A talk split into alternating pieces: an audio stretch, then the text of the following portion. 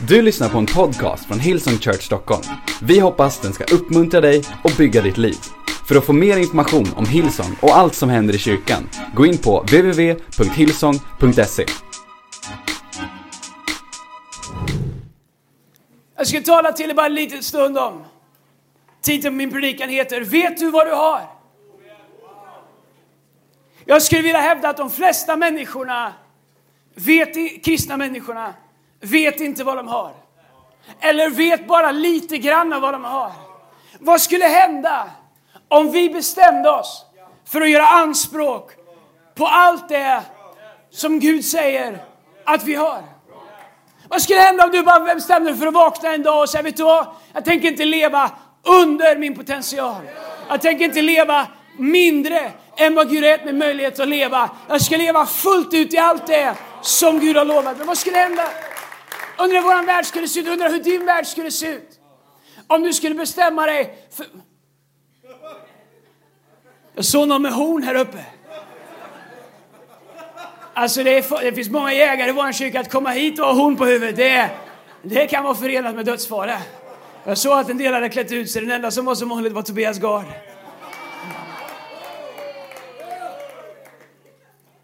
Vet du vem du är i Kristus? Jag älskar Lukas 15. Vi, vi ska inte predika, jag ska inte predika om det, men i Lukas 15 så talas det om den förlorade sonen. Den förlorade sonen kommer tillbaks till sin far. Okay? Han kommer tillbaks till sin far. Det är en bild på hur vi kan komma till Gud. Det står att den förlorade sonen han tog hälften av sin fars egendomar. Han gick det och brände på vin, kvinnor och sång, sex och rock'n'roll. Och sen så när allt var slut så satt han och önskade att han fick lite mat av grisarna. Men inte ens grisarna delade med sig. Du vet att du är mest upp när du inte kan lura av svinen deras mat. Så han tänker, jag går hem till min far. Kanske kan jag få bli en tjänare. Och så många av oss, vi lever med en sån mentalitet. Jag, jag går till kyrkan, ka, ka, kanske Gud kan ge mig en smula. Jag, jag öppnar Bibeln, jag tar en tumbärs, ka, kanske Gud kan ge mig bara lite grann. Jag, jag, jag, jag, bokar en träff med en pastor, kanske Gud kan göra någonting. Och vi har liksom en tjänarmentalitet. Men Andreas, jag trodde att det var fint att vara en tjänare. Det är fint att tjäna Gud. Men Jesus har aldrig någonsin bett dig uppföra dig som en betjänt till honom. Tvärtom säger han, ni är inte längre mina tjänare utan vänner kallar jag er. Så han kommer till fadern och han börjar gå hemåt och fadern står och väntar på honom och tittar efter honom. När han kommer så börjar fadern springa mot honom. Alltså fadern börjar stänga avståndet mellan han som har gått vilse och honom. Och här är vad som händer. När han kommer hem så, eh, så säger fadern, sätt på honom nya skor, sätt på honom en fin dräkt och ge honom en ring. Sätt på honom en sigill, ett ring, en ring, ett ring, ett ring. Okej? Okay? Södra, är ni med mig? Ett ring, okej? Okay?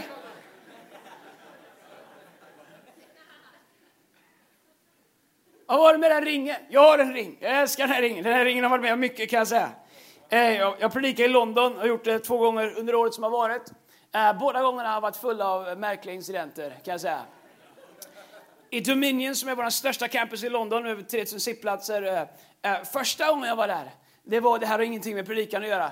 Det var bara, det här är bara någonting mot mot, mot, det var en finne faktiskt, det är helt sant, det var en, fin, en finska. Jag stod här nere, jag skulle predika och och jag står liksom i lovsången så här. Och det kommer fram en medelålders finska och börjar liksom dansa mot mig så här. Och jag blundar och tänker det där var ingen ängel. Det såg inte ut som en ängel. och, men du vet så här och, och, you can blame her. Och, och, och, och, och så står jag där och jag bara tänker, vad är det med henne? Så, så någon väl ser det och tar bort henne därifrån. Och, och jag predikar och, och jag, ger allting. Och sen så säger jag till alla, böja huvuden och sluta ögon. Bandet börjar spela och jag ska göra en frälsningsbjudan. Då är det så att framför scenen är så ett stort, stort orkesterdike. Okay? Det är flera meter djupt. Ramlar man över kanten där så är det en säker död eller åtminstone två stycken pensionärslårbensbrott som gäller om du ramlar ner där. När alla blundar och jag har predikat, liksom jag, atmosfären är perfekt, bandet spelar och liksom sättningen är perfekt för mig att göra en frälsningsinbjudan. Vem tror ni inte kommer klättrande över orkesterriket upp på scenen? Det är finskan som är tillbaks. Och kommer upp och dansar på mig igen. Jag tänkte, vad ska jag göra? Det bästa är att jag har sagt till alla att böja era huvuden och sluta ögon, men ni vet att det alla inte gör det. Ni vet vilka det är. Och jag tänker, jag måste få bort henne härifrån så jag, jag vevar och Jake vänder drar på musiken lite här. Och jag lägger armen om henne för att försöka liksom fösa ut henne det här hållet. Men hon försöker slingra sig och nu är jag arg. Nu är det liksom som OS-finalen 2006, Sverige mot Finland. Och jag lägger armen om henne och ska försöka fösa ut henne. Hon har supertajta kläder, hon försöker slingra sig. Det finns liksom inget att få tag i. Det enda jag får tag i är att jag får ett sånt grymt grepp i en av hennes bildringar. Nej, men jag, själv, jag fick ett sånt tag i henne, en av hennes, det, det fanns ett tag i det här. Och, och, och jag fick tag i henne. Och ni vet hur stark man blir när man får ett adrenalin. Så jag lyfter henne så här. Och hon skriker, vi tar bort det från podcasten. Och hon skriker som bara en finska buren i kärleksantagen kan göra. Men bandet spelar högt så det är ingen som hör det. Så bär jag ut henne så här, kastar henne på monitortekniken så, så de hamnar där, han får ta över finskan. Och, och så, så går jag ut och jag hade den största frälsningsbjudan på hela den dagen av fem eller sex stycken möten. Andra gången jag var där och predikade en månad senare. Som predikant så ser man när någon inte tycker om en. Det syns under predikan liksom på kroppsspråket och ansiktsuttrycket om det är någon du vet, som riktigt har retat upp sig på den som predikar. Just telling you, okay? Man ser bra härifrån. Man ser alla så som börjar bli tunnhåriga. Man ser allt lite där uppifrån så här. Jag ser en annan kvinna. Och, och, och jag vet inte om hon var finska. Det kan vi säga att hon var. Det var hon kanske inte. Jag ser att hon ser irriterad ut.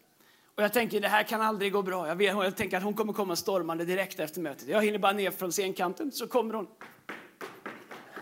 Kommer ner stormande här och, och tittar på mig. Och så säger hon. Why do you have a playboy ring? Jag bara va? Why do you have a playboy ring? Jag bara, jag har ingen... Gud, är det du som talar? Nej, jag har ingen play... Ja, den här! Nej, det... It's an ego, säger jag. Okej. Okay. Jag, jag tänker, nej men tack för du missade hela predikan för att du satt större på min ring. Tillbaks till ringen, okej? Okay? När fadern satte på sin förlorade son en ring så var det ungefär som man gav honom sitt svarta Amex utan limit. Okej? Okay? Svarta Amex, skit ett kreditkort utan limit. Där han säger till den som har spenderat hälften av hans pengar det som pappan har jobbat ihop. Tänk dig att någon kommer och bara spenderar allt som du har jobbat ihop på. Tar hälften och bara blåser det på, på skit. När han kommer tillbaka säger du, hej, jag har ett kreditkort till dig. No limit.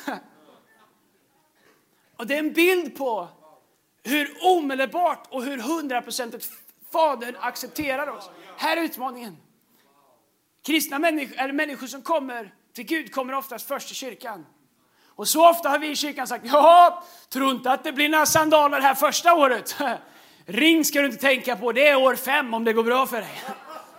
Först vill vi se att, eh, att du kommer varje söndag, att du skärper dig. Och, eh, nu har vi just, det, du luktar rök här känner jag också, det, det går inte. Förstår du? Det, och, och människor, okej, okay, vad, vad, vad, måste jag göra? Men, men, men, Jesus pratar om en far som är helt annorlunda. Som I det ögonblicket som sonen visar sig så säger fadern, vet du vad? Jag vill inte höra någonting. Bara det faktum att du är här gör att du är värd mitt förtroende. Så fadern fattar inte sitt beslut om hur han skulle förhålla sig till sonen baserat på vad sonen hade gjort, utan baserat på vad sonen skulle bli.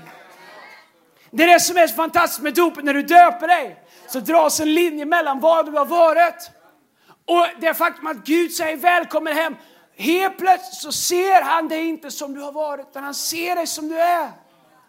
Och när andra människor kanske kommer och säger hej, kan vi prata lite om det där med vinkvinnor och så? Kan vi prata om när du satt hos grisarna? Så säger folk, I don't know.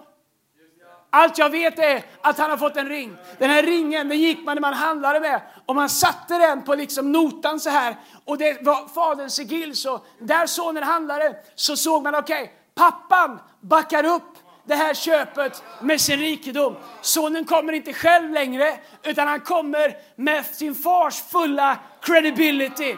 Det är det som är grejen med Gud. De flesta av oss, vi vet inte om vad ringen är värd som Gud har satt på vårt finger. Så vi lever som innan vi fick ringen. När vi ska klara oss själva.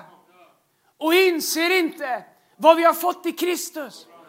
Därför så frågar jag en gång till, vet du vad du har? Om vi visste vad vi hade, hur skulle våra liv se ut då? Guds löften, jag älskar dem. De är som en check. Okej, okay, här är bara, bara en liten åldersdemografifråga. Hur många här har haft checkar? Du har, jobbat, du har liksom haft en checkbook. Come on, upp med handen. Come on, Micke Hillenfjärd, upp med handen. Du har åren inne också. Fantastiskt. Jag har, hur många jobbar fortfarande med checkar? jag hade checkar, fast jag kom ifrån så har vi check. check. jag hade checkbok. Och när jag bodde i USA så hade alla checkar. Och man stod där och hoppades att den skulle funka. Man skulle föra bok, jag var kass. Man skulle säga, nu har jag handlat för 17 dollar och skrivit en check. Ska man fylla i det, subtrahera och ha kvar någon slags saldo där. Och det gick bra. Först när man fick lönen så åkte det in på checkkontot. Och sen skulle man hålla på och föra bok på det där. Det brukar funka för mig första två, tre dagarna. Sen tog ADHDn över. Och på slutet så bara lämnade man in det där och bad gode gud låt den gå.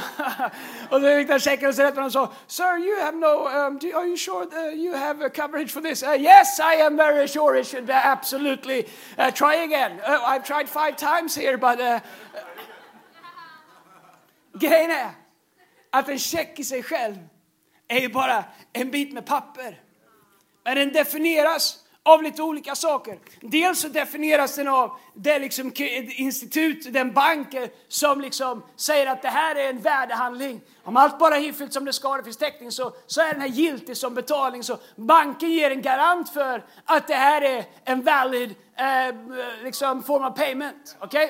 Det andra är, är att eh, den som skriver checken skriver under med sitt namn och har täckning för det på det saldo som checken ska dras ifrån. Utan de här två sakerna så är det bara en bit papper. Men med de två sakerna, den som har rätt att producera checken och den som har täckning för att skriva den med den, så är den här värd exakt vad man skriver här på att den är.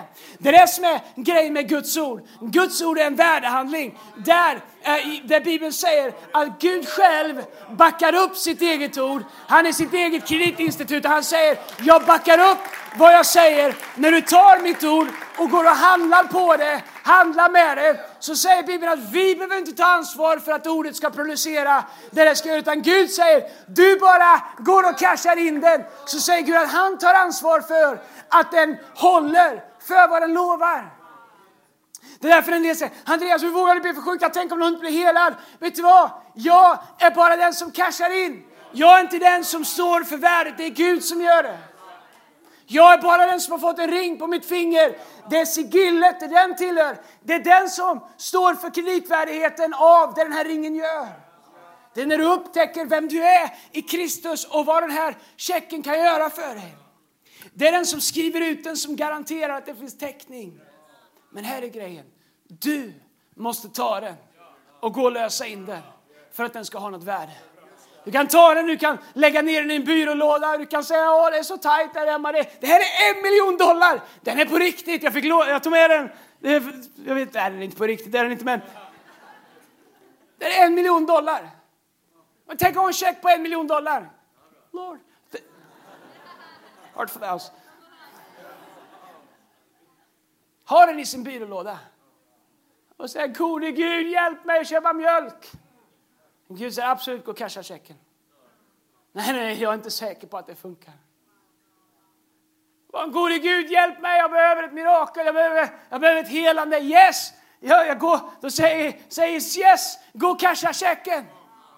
Men jag är inte säker på att den fungerar. Det känns trygg, den, den får vara här, det känns skönt att ha den. Men jag är inte säker på att den fungerar. Vad skulle hända om vi lät Gud backa upp sitt eget ord genom att ta vad han har lovat, sätta det in action och ge Gud en chans att visa sin kreditvärdighet. Ge Gud en chans att visa att han är beredd att backa upp det han har lovat. Så många människor, vi lever med enorma rikedomar. Jag pratar inte bara om pengar, men vi lever med enorma andliga rikedomar. I Efesierbrevet kapitel 1, vers 3 tror jag det säger att all den himmelska världens andliga välsignelser tillhör oss. Så många människor bara håller den bara under armen. Så många människor har lagt den liksom på ett, på ett bord i hallen och tänt ett ljus framför den. Så många människor har stoppat in den i bokhyllan. Allt vad du behöver, det du ropar efter Gud dag och natt står i bokhyllan. Och du bara fick en uppenbarelse över vem han är och vad han är mäktig att göra och vad han är villig att göra. Som har sagt att jag kan göra långt mycket mer än du ens kan tänka, ana eller be om. vet du vad du har? Guds löften är som en check. Du kan tro att den är på riktigt och tillgodogöra dig det den lovar. Du kan stoppa upp den på en hylla. Man säger att det här med Gud är osäkert. Jag älskar Guds löften. Jag, jag, för mig har Guds löften varit så, varit så oerhört avgörande så många gånger i mitt liv. Och grejen med Guds löften är att jag älskar att memorera dem, jag älskar att läsa dem. Jag har lappar med Guds löften som jag har printat ut som jag står och läser högt hemma när min tro ibland blir svag eller när jag ska ta mig an ett stort berg eller när jag behöver liksom, du vet så här, bara veta Gud vad säger du om det här? Jag älskar att läsa det högt. Jag gör det när Lina åkte, det är bara jag och Spike hemma, min enögde hund. Han står så här och tittar på mig och jag säger allt förmår jag i honom som är jag bryr mig inte om Men jag bara säger dem högt, jag står i spegeln. Jag säger dem om och om igen tills det känns som att jag inte säger dem härifrån längre utan att jag säger dem härifrån. I, i torsdags så var vi och gjorde, eh, vi gör så här årlig ultraljudsundersökning på Angelinas hjärta. Min yngsta dotter har gått igenom två stora hjärtoperationer åtta timmar lång varje gång och öppnat hela bröstkorgen, opererat in i hjärtat och byggt väggar och grejat och lagat och fixat. Och första gången var fyra månader, andra året tror jag hon var två år. Och, och vi har gått på undersökningar, det, det har inte varit några problem. Hon har fått massor med sprutor och grejer, de har stuckit fel så hon gillar inte sprutor men i övrigt så, så är det inga, ingen större fara. I torsdag så var vi där och bara veckorna fram till den här ultraljudsundersökningen varje gång är, de är, de är helvetiska för mig. Därför att det är som att eh, om, om djävulens röst någonsin hörs här inne liksom, du vet, så här, och, och, och ens tro blir prövad så är de här veckorna fram till liksom, man, man, du vet, man bara tänker, tänk om de säger att det har blivit sämre. Tänk om hon skulle behöva få en operation till.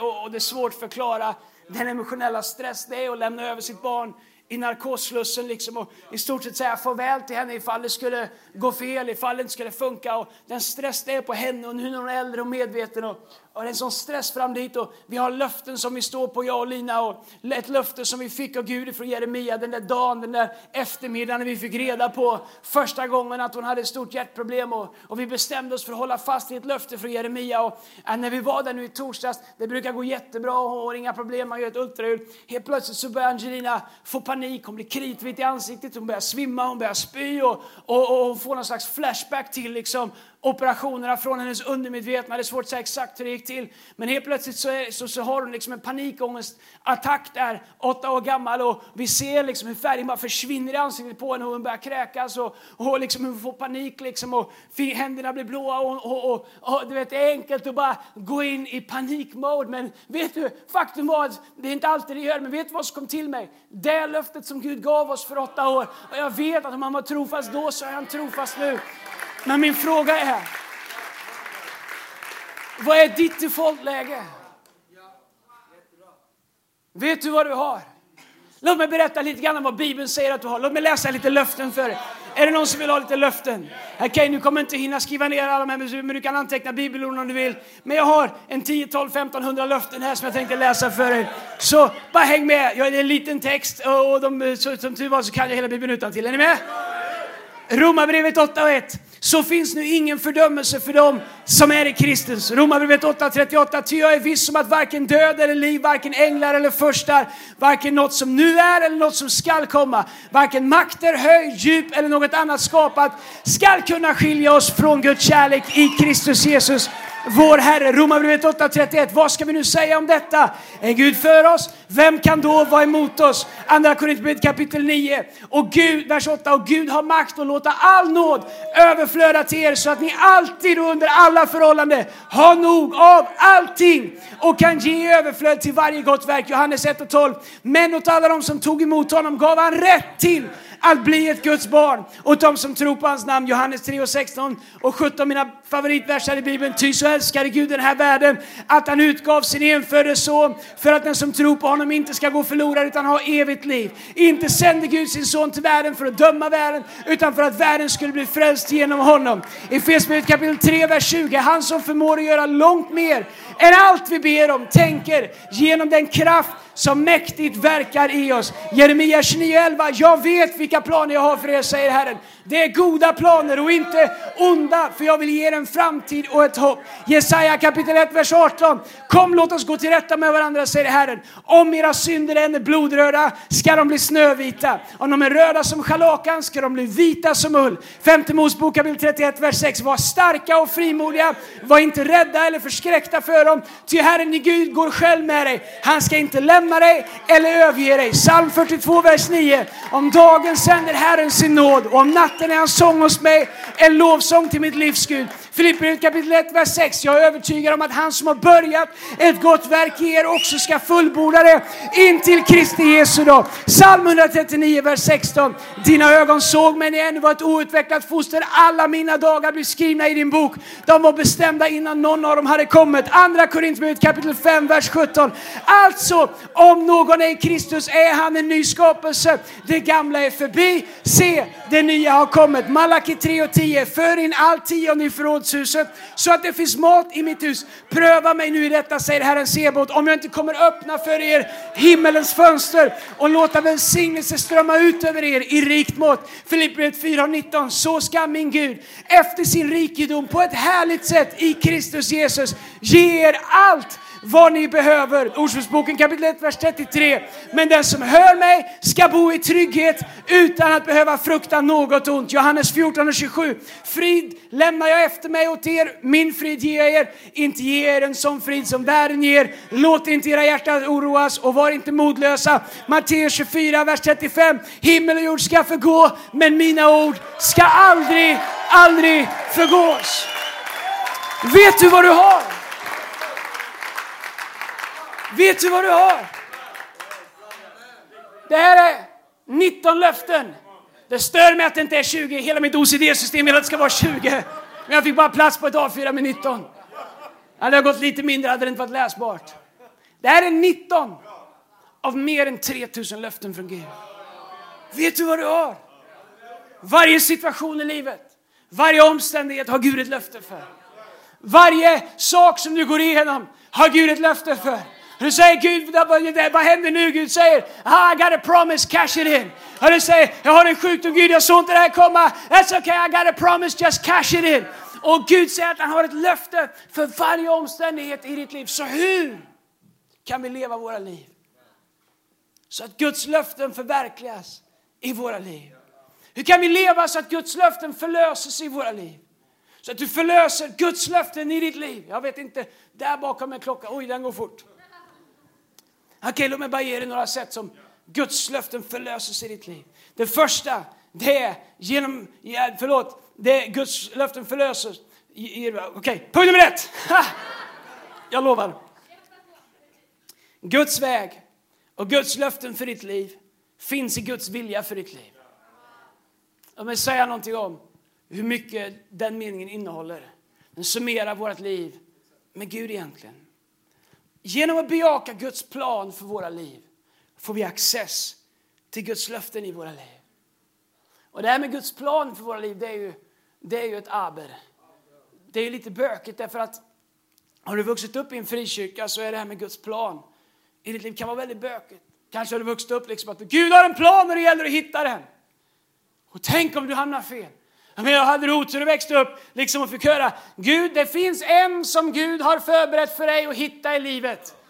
Come on alla singlar. Men tänk om den stackaren går och blir ihop med någon annan, vad blir, blir inget över till dig? Någonstans där ute har Gud förberett, det finns en och det gäller att hitta den Gud har förberett. Gud har inte förberett någon åt dig. Och alla singlar sa. Gud har förberett mängder olika åt dig. Och alla singlar sa. Det är inte så att Gud liksom har svarvat ihop en liten donna till dig som du, och det är exakt henne du ska hit. Vet du vad jag tror? Att när du lever i Guds vilja, så den som du väljer utifrån Guds principer, utifrån det liv som du lever i och följa honom, blir Guds vilja för ditt liv. Nej, nu är det bra om hon är med på det också, men låt säga att hon också är med på det. Så många människor lever sitt liv vad är Guds vilja för mitt liv? Vad är Guds vilja för mitt liv? Ska jag åka till Afrika? Ska jag jobba i Kista på Ericsson? Vad ska jag göra? Gud vill jag ska vara ihop med en mörkhårig eller blond. Här är det värsta. Det finns folk med lister. Oh, let's go there. Det finns folk med lister. Ja, käre Herre. Han ska, vara, han ska vara blond eller mörk, han ska ha så, han ska kunna sjunga, spela, vara datatekniker, ha egen bil, ha eget slott. Han ska ha bra med inkomst men inte bry sig om pengar. Han ska, han ska älska barn, han måste älska barn. Sen kommer en stackare som ska leva upp till det. Punkt nummer ett. Nej. Här är mitt tips. Ta din lista och släng i julbrasan. Och så öppnar du ditt hjärta och säger du Gud, jag vill leva i din vilja. Och att du leder mig Gud där jag går bedjande fram. Och du har lovat mig att vad mitt hjärta begär vill du ge mig. Och se vad Gud kan göra när du inte försöker tvinga in Gud i din 17-punktslista som inte ens Jesus själv hade kvalat in på när han gick här.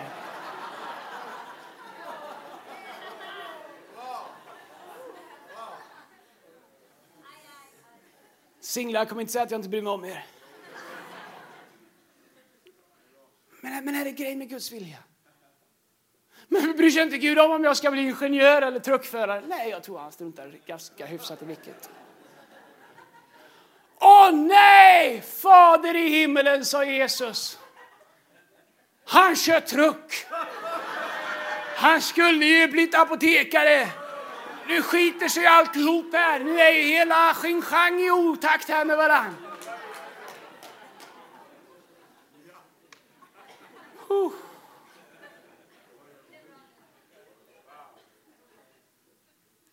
Lyssna. Här är vad Guds vilja är. Vill, vill, vill, om du vill leva Guds vilja, jag kan hjälpa dig. Jag kan fixa det nu. Nu! Nu! Om Jesus är här i ditt liv så behöver du aldrig fundera på vad hans vilja är för ditt liv. Det enda du behöver bestämma dig för är att låta Jesus bli Herre i ditt liv. För när Jesus är Herre i ditt liv så har du gett honom tillåtelse att leda dig i ditt liv. Och när Jesus får tillåtelse att leda dig i ditt liv, gissa vem som tar ansvar för Guds vilja i ditt liv. Det gör Jesus. Och du kan slippa all den här kampen. Ska jag söka fyra år i teknisk eller ska jag gå liksom ett år på verkstad där man inte har några teorilektioner? Gud, vad vill du? Verkstad.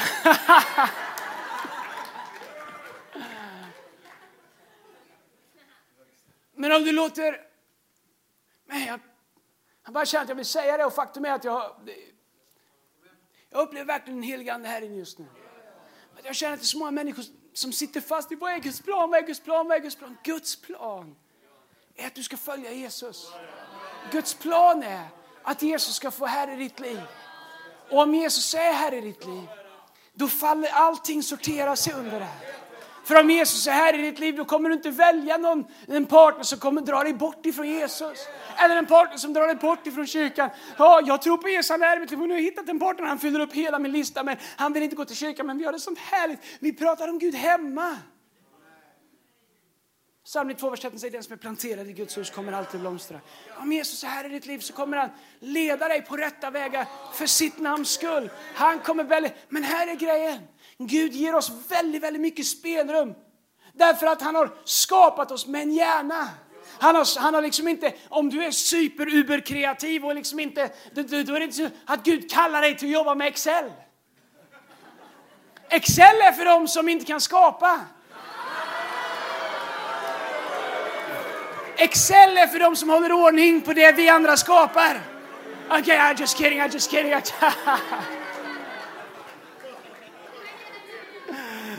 Alright, kom ihåg att jag vill se när ni blir arga på mig.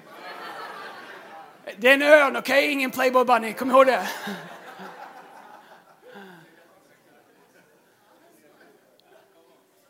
Men Gud har skapat dig på ett sätt. Vi hinner bara första punkten, det är okej. Okay. Men Gud har skapat dig. Han har lagt desires, han har lagt önskan, han har, han har gjort det på ett sätt så att, så att du ska kunna liksom samarbeta med dig själv. Allt jag längtar efter är att bli fotbollsproffs, men tänk om jag börjar tjäna Gud och måste börja med curling. Gud vill inte göra ditt liv mindre, han vill göra ditt liv större. Vill Gud jag ska spela fotboll? Vet du vad jag tror Gud säger? Om du vill. Men om du spelar fotboll, var bäst som människa. Säg, varför är du så bra? I don't know. All glory to God. Vad du än gör, säger Bibeln, gör det med kraft. Gud är inte så intresserad om du jobbar bank. Han är intresserad om han får följa med dig till banken.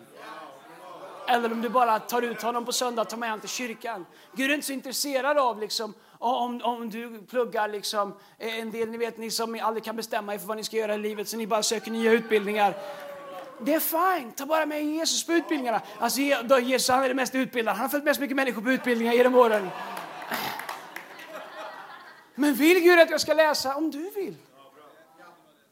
Det viktigaste är att Jesus är Herre och att du tar med dig honom dit. Faktum är att här är vad Bibeln säger. Ordspråksboken 16 och 3 säger Befall dina verk åt Herren så har dina planer framgång. Men vad betyder det? Får vi göra egna planer nu när vi känner Gud? Ja, tänk att du får helt och hållet känna dig fri att använda ditt huvud precis så mycket du vill och känner att det går. Vi vill säga och faktum var att när jag förberedde det här så var det första gången jag läste det. Därför att jag alltid läste Befall dina vägar åt Herren. Lite grann som att vi säger Hej Gud, jag vet att jag har fått den här, men jag, jag lämnar tillbaka den till dig Gud. Och, och människor säger vad vill Gud? I don't know, det, det ligger i Guds händer. Om Gud vill. Och Gud vill att du ska göra det han har lagt i ditt hjärta.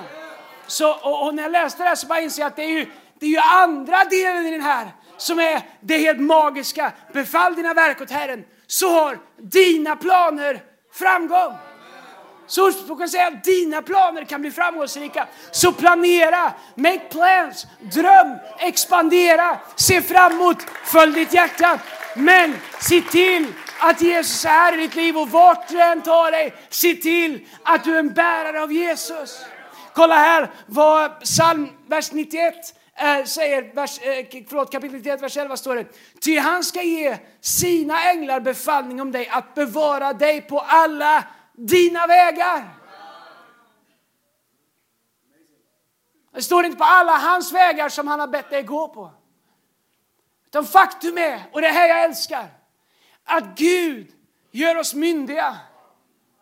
Gud bemyndigar oss till att låta han som här, Jesus som Herre i våra liv samarbeta med våra hjärtan och vår förståelse av Guds principer och vår hjärna. Men låt mig säga vad trixet ofta är. De flesta av oss vi fungerar hyfsat när det gäller att använda vår hjärna och tänka ut saker och ting. Logiskt, rationellt.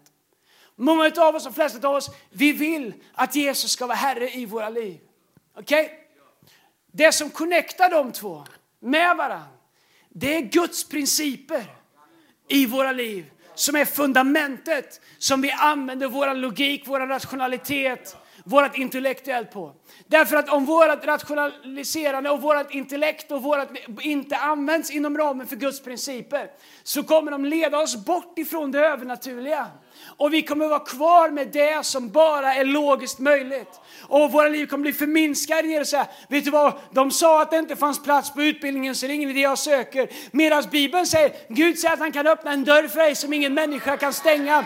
Så när du börjar använda Guds principer och som fundament för ditt logiska resonerande. Yes, min logik säger att jag vill gå där. Min logik säger att det finns ingen plats för mig. Men Guds ord säger, mina löften, min, min, min check säger att jag, kan, att jag kan förvänta mig mer än vad som är logiskt. Därför att jag by. Det är därför som det är så viktigt att du är planterad i en församling. Bibeln säger att den som är planterad i Guds hus kommer att blomstra. Därför är det kyrkan, viktigt att du är i kyrkan varje söndag. Att du läser din bibel, att du är med i en connect-grupp så att du får ett format för ditt hjärta och för din hjärna att börja arbeta utifrån. Ni vet att det, det, är ungefär som ni vet Facebook och nu är jag på djupt vatten för jag är kass på datorer. De ska bara funka, det är därför jag inte håller på med PC. För jag gillar inte att reparera, jag gillar att använda. Okay?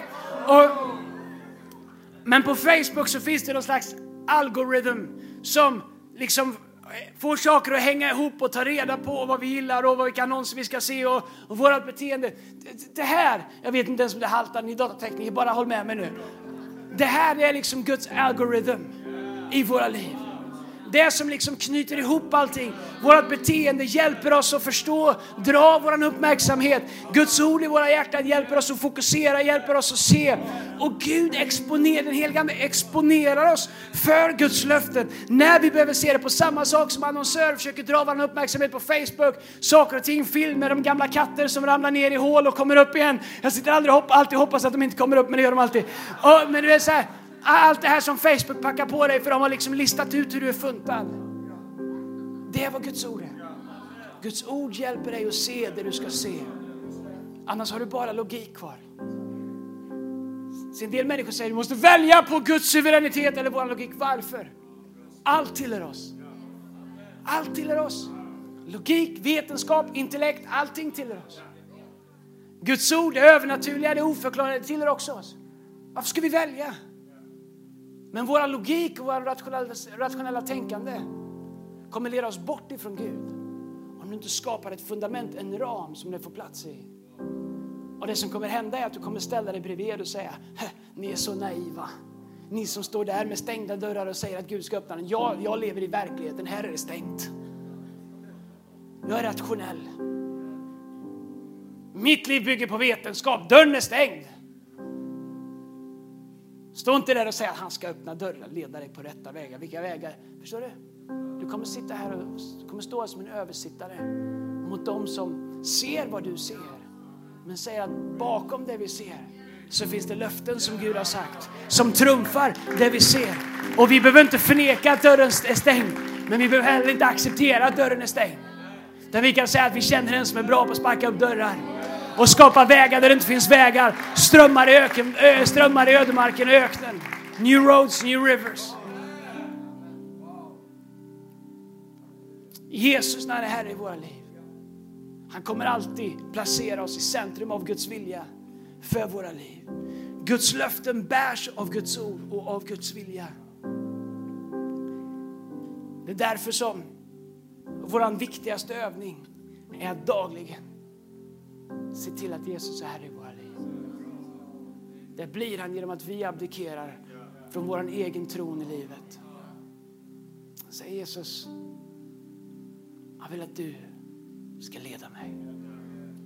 Då säger han att han leder oss på rätta vägar för sitt namns skull. Det betyder att han tar ansvar för att vägarna är rätta. Och att du kan släppa den här pressen. Är det här Guds vilja för mitt liv? Säg, I don't know. Jag bara följer så gott jag kan. Han har sagt att han tar ansvar för vägarna, jag tar ansvar för följandet. Han säger, är det här rätt eller inte? Nummer ett, linar upp med Guds ord. Nummer två, är du villig att ha det eller mista det oavsett hur Gud leder dig? Om du kan checka de två sakerna så följ med frimodighet. Och skulle du gå fel så är han mäktig att leda dig rätt. Så länge ditt hjärta är mjukt. Se, varenda vi behöver bry oss om, det har Jesus som Herre. Inte som reservhjul, inte som liksom en, som liksom en landningskudde, inte som en flytväst, inte som en livboj. Utan som Herre i våra liv. Då leder han dig. Då får, börjar du få reda på vad du har. Då börjar du inse att okay, om han är Herre i mitt liv, om han tar ansvar för att alla löftena kan gå i fullbordan. Och om jag har honom i mitt liv, då har jag alla löftena i mitt liv. Då har jag access till varje löfte i mitt liv. Jag vill utmana dig. Varför inte bestämma dig att 2017 ska bli det år när du börjar leva ditt liv på de löftena som Gud har lovat dig. Det första du behöver göra är att sätta dig ner. Hitta Guds löften. Googla dem, gör whatever it takes. Gå evening college. Det är det bästa du kan göra. De flesta av oss, vi, vi, vi har en ring som säger no limit. Men vi lever liksom med kronor små kronor därför att vi inte vet vad vi har tillgång till. Alla här behöver gå evening college. Alla här behöver, du behöver upptäcka vad du har. Du behöver förstå vad Gud har satt på ditt finger. Du behöver ta reda på vad, vad, ska, vad ska jag med den här till egentligen? När du står där med din enkrona, 50-öring och femöring och femkrona och säger hur långt räcker det här? Så säger Gud, det räcker hela vägen. Titta inte på kronorna, titta på det jag har satt på ditt finger. Vet du vad du har? Om du inte vet vad du har så kommer du alltid leva på mindre än vad du behöver. Det är värt att komma hit ikväll bara för att höra det. Om du inte vet vad du har så kommer du alltid leva på mindre än vad du behöver. Men Jesus sagt att han vill ta ansvar för att du ska ha allt vad du behöver. Kom on, ska vi stå upp tillsammans? Jag ska be en bön. Alla ögon stängda, alla huvuden böjda, ingen som rör sig. Om du inte absolut måste gå så, vilket du inte behöver för mötet är inte slut än på tio minuter. Jag skulle vilja be en bön. Faktum är att göra Jesus till Herre i sitt liv, det är, det är superenkelt. Det är bara att säga Jesus, jag vill inte ta ansvar för mitt eget liv. Jag är trött på att lyfta mig själv i håret. Jag kan inte skärpa mig. Jag kan liksom inte bara Spelar ingen roll hur många artiklar du läste i Aftonbladet om sju steg till en lycklig relation, fem steg till en bättre ekonomi, 20 sätt att gå ner i vikt. Men vi kan inte liksom, vi har inte skapat oss själva så vi kan liksom inte hålla upp oss själva. Och vi kan framförallt inte ge oss själva evigt liv. Vi kan framförallt inte liksom förlåta våra egna synder. Men vi kan säga Jesus, allt som jag inte kan. Om det är sant att du kan allt som inte jag kan, då vill jag ha dig i mitt liv. Det där innebär att låta Jesus bli Herre i ditt liv. Säg Jesus, jag vill att du leder mig. För Bibeln säger att så mycket högre som himlen är från jorden, så mycket längre som väster är från öster, så mycket större är hans tankar för dig än vad dina tankar är. Så att välja Jesus som Herre i ditt liv är inte att downsiza dina förutsättningar i livet. Tvärtom så är det att genom att, det som har tittat på ditt liv genom ett sugrör till att säga att du har ett, det är liksom till att gå in i ett IMAX-liv där Gud säger, vet du vad? Det finns så mycket mer för dig än vad du kunde ana. Om du bara låter mig få ge det till dig. Med alla huvuden böjda, alla ögon stängda här inne så vill jag be en bön. Jag vill be för dig du som är här idag som säger, vet du vad Andreas, jag har aldrig bjudit in Jesus i mitt liv. Jag har aldrig haft en egen relation med honom. Jag har mass... kanske har du frågor, kanske har du tvivel. Det är fine, du kan ha dem idag, det gör ingenting. Men du har aldrig gett Jesus en chans i ditt hjärta. Jag vill be för dig. Jag vill be att Jesus skulle få komma in i ditt hjärta.